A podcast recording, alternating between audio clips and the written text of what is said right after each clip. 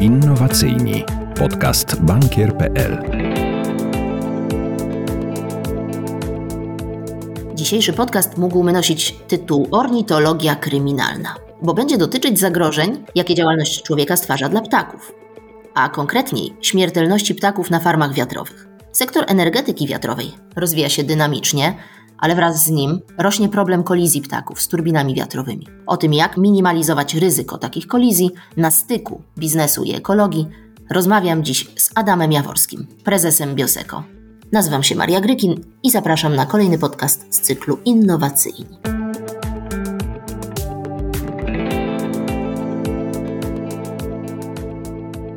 Dzień dobry, panie Adamie. Dzień dobry pani, dzień dobry państwu. Nie od dzisiaj wiemy, że w świecie, którym rządzi człowiek, ptaki żyją krócej. Jak pan to widzi? Dlaczego tak się dzieje? Wydaje mi się, że no, człowiek ma taką specyfikę, że dość intensywnie i agresywnie wchodzi tak naprawdę we wszystkie sfery związane z ekosystemami. Ogranicza zarazem środowisko naturalne dla innych gatunków, wycinając lasy czy przekształcając tereny w tereny rolnicze ale także budując różnego rodzaju budowle, infrastrukturę, w tym turbiny wiatrowe. I to tak naprawdę powoduje, że zmienia się środowisko naturalne ptaków, pojawiają się nowe zagrożenia, z którymi te ptaki, ale też inne gatunki nie miały tak naprawdę do czynienia wcześniej, co wiąże się z zwiększoną śmiertelnością w stosunku do sytuacji, gdyby człowiek trochę mniej agresywnie rozwijał się i czynił sobie ziemię poddaną. No właśnie myślę o takim paradoksie, o tej ciemnej stronie zielonej energii, bo z jednej strony próbujemy ratować środowisko, a z drugiej strony te nasze działania, mówię tutaj o tych farmach wiatrowych, tworzą niebezpieczeństwo dla ptaków. Jak pan ocenia skalę umieralności ptaków wskutek zetknięcia z turbinami wiatrowymi? Trzeba powiedzieć przede wszystkim, że każda działalność człowieka niesie za sobą zazwyczaj zarówno pozytywne, jak i negatywne konsekwencje. I jasnym jest, że transformacja energetyczna i przejście na innymi energetykę wiatrową to jest konieczność, to jest coś, co musimy robić. Natomiast oczywiście tak jak powiedziałem, każda technologia niesie ze sobą różnego rodzaju zagrożenia i negatywne konsekwencje. Akurat jeżeli chodzi o turbiny wiatrowe, to mamy tutaj do czynienia z sytuacją, w której no, najbardziej poszkodowane są rzeczywiście ptaki, które oni ulegają kolizjom z łopatami turbin wiatrowych. Problemem w tak naprawdę oszacowaniu skali umieralności jest głównie to, że nie ma jednolitej, zintegrowanej bazy danych, z której można by było tak naprawdę mm, wyciągnąć e, jakieś wnioski, konkluzje na temat średniej śmiertelności na farmach wiatrowych. Dane te są często zbierane przez e, operatorów farm wiatrowych, następnie przekazywane do odpowiednich organów, natomiast pozyskanie tych danych no, jest dość trudne nie chcą się nimi dzielić pewnie, prawda? Powiem tak, teoretycznie mają obowiązek, ponieważ wszelkie informacje tego typu są e, tak naprawdę informacjami, do których obowiązuje dostęp publiczny. Natomiast no, z różnych powodów, i to nie dotyczy tylko Polski, ale jest generalnie rzecz biorąc problem w pozyskiwaniu tych danych, one są też prezentowane w różny sposób. No i brak jest tak naprawdę jednego miejsca, gdzie można by było pozyskać takie dane. Są oczywiście na podstawie pewnych danych takich, powiedziałbym, próbkowych dla iluś tam farm tworzone pewnego rodzaju statystyki. I jest takie opracowanie, e, w ramach którego autorzy pokusili się o próbę oszacowania średniej śmiertelności ptaków drapieżnych na farmach wiatrowych. No i tutaj Dlaczego akurat ja się odnoszę do ptaków drapieżnych? Ponieważ to są ptaki, które często właśnie ulegają kolizji z turbinami wiatrowymi, natomiast ze względu na ich specyfikę czy długowieczność, jak i również to, że po prostu ta zdolność do rozmnażania się jest zazwyczaj dużo mniejsza, no to to są te gatunki, które potencjalnie mogą najbardziej negatywnie odczuć zarówno w skali lokalnej, jak i regionalnej konsekwencje kolizji z turbinami wiatrowymi. No i wracając do tej statystyki, no statystyka, która została opracowana, wskazuje, że ta śmiertelność e, kształtuje się na poziomie 700 ptaka na turbinę wiatrową na rok. No i ktoś mógłby zapytać, no 700. Dużo czy mało? No w sumie to chyba mało, prawda? No bo 700, no to jakby był jeden na turbinę, no to można by było się przejmować, ale 700, no to przecież to praktycznie nie jest problem. Problem pojawia się jak zawsze z działaniami człowieka w skali. I w długotrwałości tego działania. Więc tutaj jest kwestia taka, że te 700 wydaje się być liczbą niewielką. Natomiast też trzeba pamiętać, że tych ptaków drapieżnych to nie żyją miliony. Dajmy na to taki typowy gatunek, który tutaj ulega kolizjom z turbinami wiatrowymi, czyli kania ruda, no to szacuje się, że w Polsce mamy około 2000 par, czyli około 4000 osobników. No i teraz, jeżeli popatrzymy na samą Europę i powiemy, że w Europie mamy około 150 tysięcy turbin wiatrowych, to tak naprawdę mówimy o śmiertelności na poziomie kontynentu około 10 tysięcy sztuk ptaków drapieżnych rocznie. Niektórym gatunkom to już pewnie grozi wyginięciem nawet taka liczba. Myślę, że wyginięciem nie, bo tendencje są różne w różnych krajach. Natomiast ja zawsze wychodzę z założenia, że jeżeli możemy tak naprawdę minimalizować pewnego rodzaju ryzyko, szczególnie ryzyko działalności człowieka na środowisko naturalne, to powinniśmy lepiej to robić wcześniej na spokojnie, niż tak naprawdę zbudzić się po 20-30 latach i powiedzieć, no to, to żeśmy tak dali, że teraz tak naprawdę to w pewnych miejscach już tych ptaków na przykład nie ma.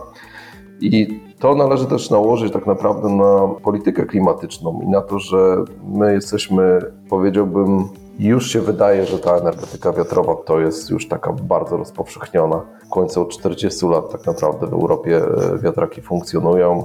Można powiedzieć, że od 20 to już się dobrze zadomowiły. Może nie tak bardzo w Polsce, ale na zachodzie, w Niemczech, w Hiszpanii jest ich dużo więcej. Natomiast no, plany są bardzo ambitne. Tak? My chcemy mieć, nie dość, że te turbiny są coraz większe i kiedyś, jak ja jeszcze pracowałem w branży, budowało się turbiny o mocy nominalnej 2 MW, teraz już częściej się spotyka między 4 a 5, to oczywiście powoduje zwiększenie e, gabarytów tych turbin. Jest ich mniej, co dla ptaków też jest lepsze, ponieważ no, jakby zostawiamy większe powierzchnie dla ich bytowania, dla ich aktywności.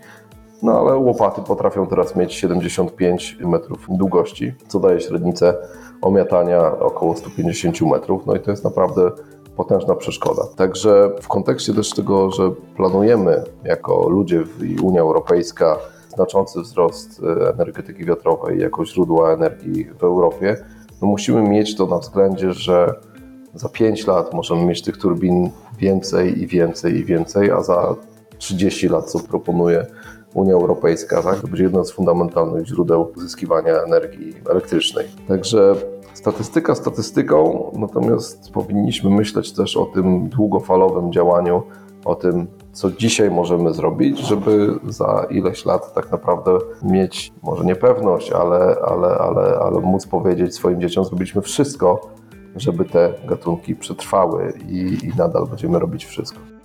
I tutaj pojawiacie się Wy, Bioseko, i Wasz pomysł na rozwiązanie tego problemu. Proszę o nim opowiedzieć. Skąd się wziął pomysł na ochronę ptaków e, przed e, zderzeniami z turbinami? Jak to bywa w życiu, to jest dość taka, bym powiedział, historia ciekawa, gdyż ja tak naprawdę powiedzmy 8 lat temu pracowałem właśnie e, w branży energetyki wiatrowej, budowałem wiatraki. No i gdzieś tam w tym doświadczeniu moim pojawiło się właśnie ryzyko i pojawiły się te kolizje związane z turbinami wiatrowymi. No i Trzeba było ten problem jakoś zdefiniować z jednej strony, czyli jego skalę, z drugiej strony poszukać jakiegoś rozwiązania, gdyż e, władze środowiskowe zaserwowały nam po prostu pewnego rodzaju list zachęcający nas do znalezienia skutecznych sposobów minimalizacji ryzyka kolizji w przyszłości. W tym przypadku również ze względu na to, że to było nową pewnego rodzaju, jak w ogóle podejść do tego tematu, postanowiliśmy zrobić taki przegląd dostępnych technologii. No i wyszło nam, że tak naprawdę na tamten moment, a to był rok 2015 bodajże, to dostępne jest rozwiązanie francuskie, hiszpańskie i prototyp rozwiązania polskiego.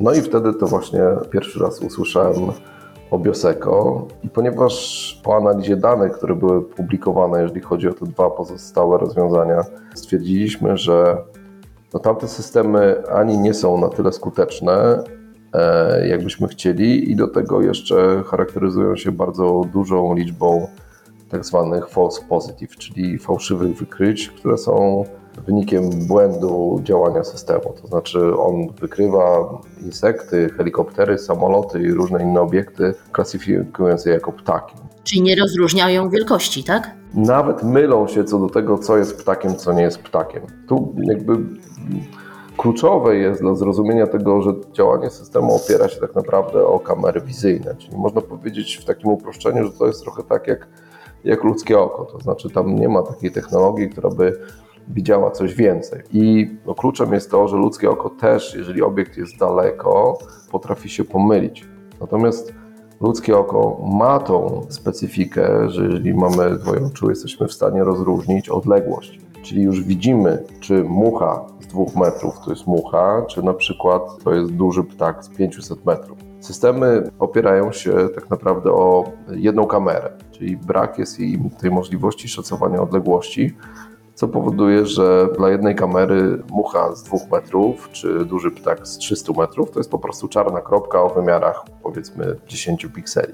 No i tu naprawdę trudno jest wymyślić algorytm, który potrafi odpowiednio z dużą skutecznością rozróżnić te obiekty. Oczywiście są różnego rodzaju inne cechy, na przykład szybkość przemieszczania się po ekranie. Natomiast no, tutaj Bioseco i inżynierowie z Bioseco wymyślili inne podejście, to znaczy zastosowanie stereowizji, czyli kamer w parach, tak jak ludzkie oczy, po to, żeby w pierwszej kolejności tak naprawdę być w stanie umiejscowić dany obiekt w przestrzeni, i tak naprawdę to umiejscowienie dzieje się na bieżąco, dzięki czemu zanim jest podjęta decyzja, czy to jest ptak, czy to jest coś innego, to już wiemy, jak to daleko jest, a to daje nam więcej informacji, żeby skuteczniej, efektywniej tak naprawdę zdefiniować, czy to jest właśnie insekt, czy to jest helikopter, czy to jest może samolot, bo duży samolot z bardzo daleka również podobny może być do ptaka.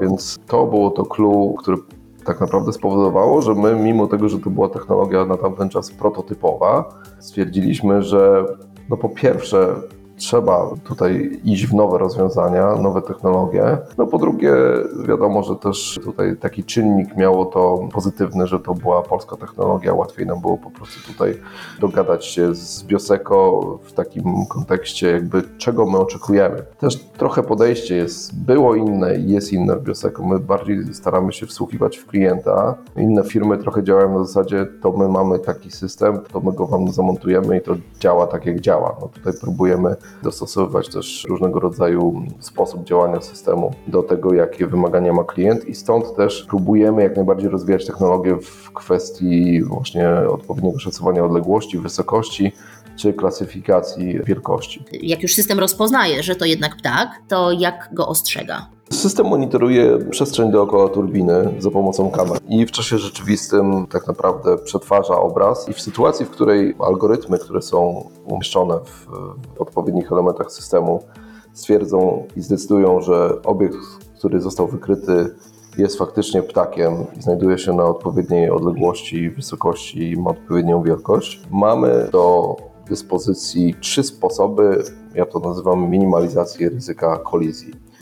Pierwszy sposób to jest użycie światła, światła stroboskowego, którego celem jest nie tyle odstraszenie ptaka od turbiny, ile tak naprawdę zwrócenie jego uwagi, że jest jakiś obiekt przed nim. I tutaj jesteśmy jedynym dostawcą technologii tego typu urządzeń, który używa tego. Natomiast sami tego nie wymyśliliśmy, to pochodzi z sektora lotniczego. My też tutaj pracujemy nad podobnym systemem dla lotnisk. No i idea jest taka, że ptaki co do zasady mają bardzo dobry wzrok. To jako ludzie wiemy. Natomiast są pewne specyficzne przypadki, w których one, na przykład szczególnie drapieżniki w czasie polowania, no, koncentrują swój wzrok poniżej w poszukiwaniu ofiary. I wtedy tak naprawdę widzą dość mały wycinek tego, co znajduje się przed nimi. I my chcemy zwrócić ich uwagę z dużej odległości, na przykład 400-500 metrów, że coś się dzieje, turbina jest powiedzmy w cudzysłowie przed tobą, uważaj. I zaraz się pojawia pytanie, no jaką to ma efektywność? Prowadziliśmy takie badania w zeszłym roku przez 4 miesiące, od czasu do czasu łącznie chyba 20 kilka dni obserwacji było eksperta ornitologa na jednej z farm wiatrowych w Polsce. No i konkluzje były dwie. Pierwsza była taka, że żaden ptak drapieżny nie zareagował raptownie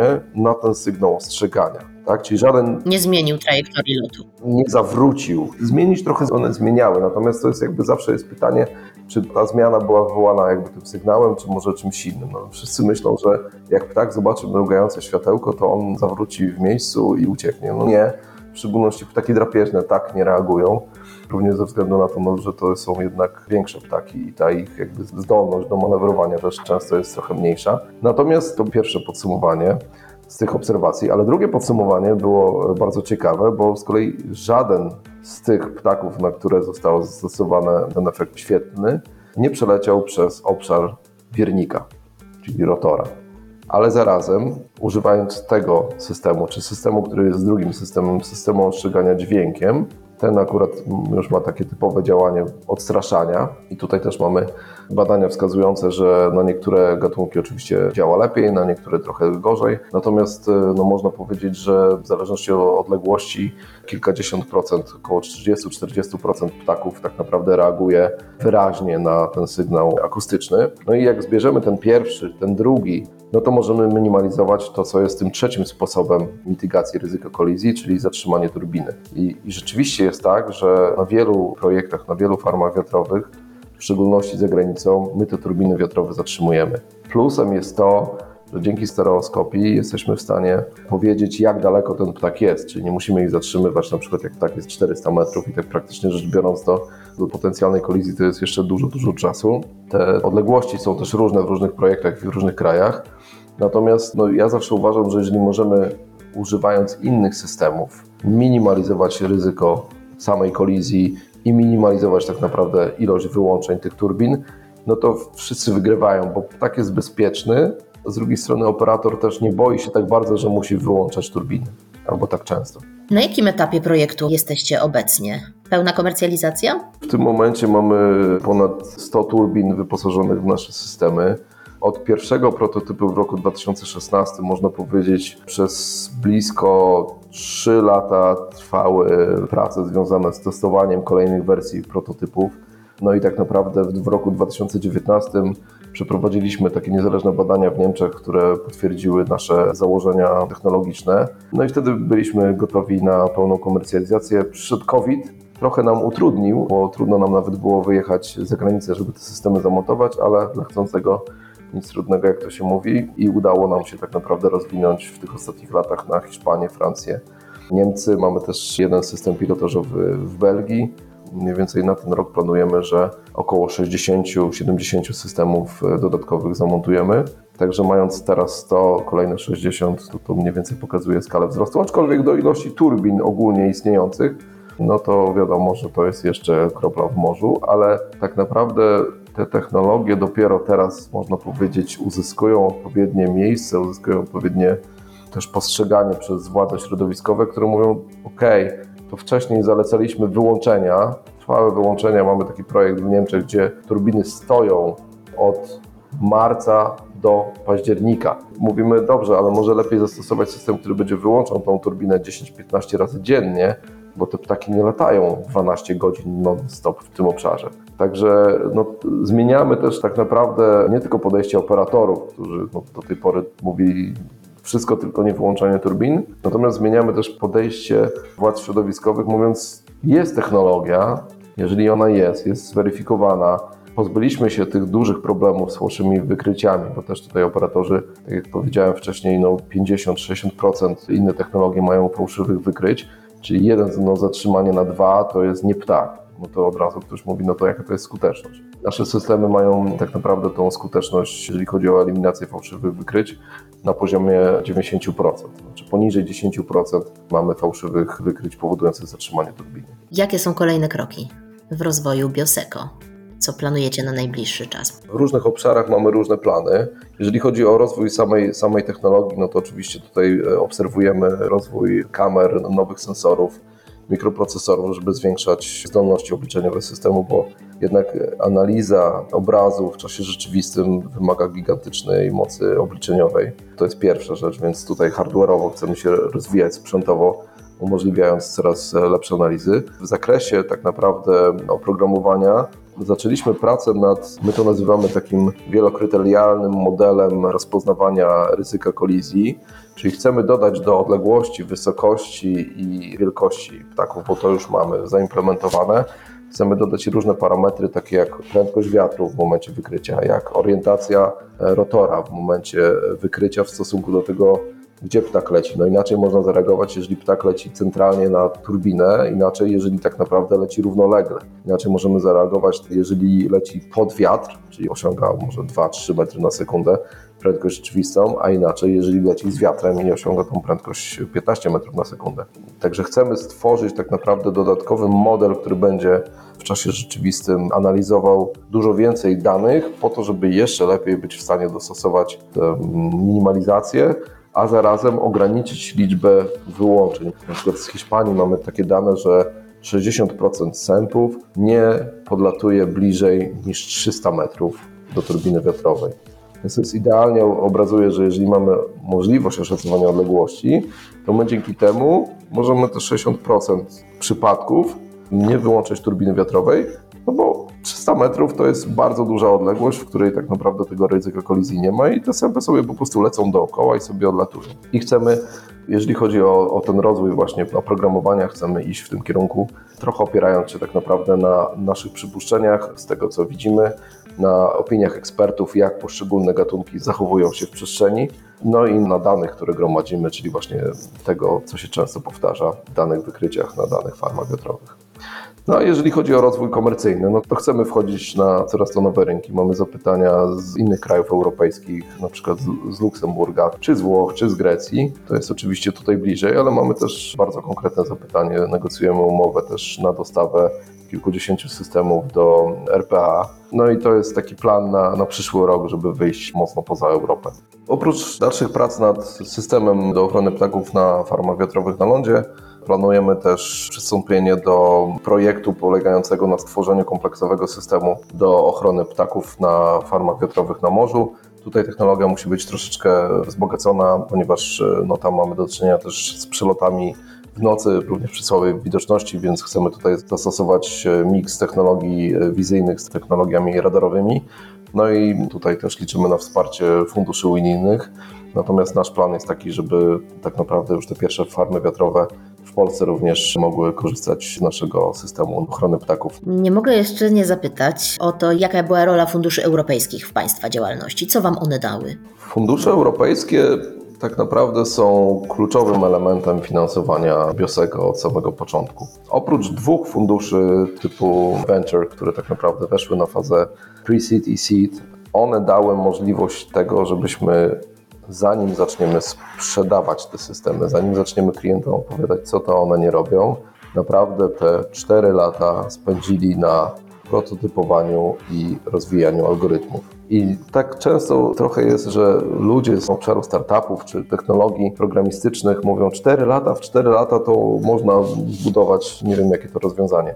Tylko tutaj jesteśmy trochę na takim pograniczu technologii sprzętowej, czyli hardware'u, gdzie musieliśmy zbudować tak naprawdę te urządzenia od początku, zaprojektować je i oprogramować i tak naprawdę co kilka miesięcy poprawiać, poprawiać oprogramowanie, patrzeć co się dzieje w rzeczywistości a jak system reaguje, no i potem tak naprawdę przejść jeszcze badania na farmach wiatrowych po to, żeby pokazać, ok, to działa, tyle wykrywamy, tyle nie wykrywamy, tyle mamy fałszywych wykryć, system potrafi pracować przy takiej ilości światła.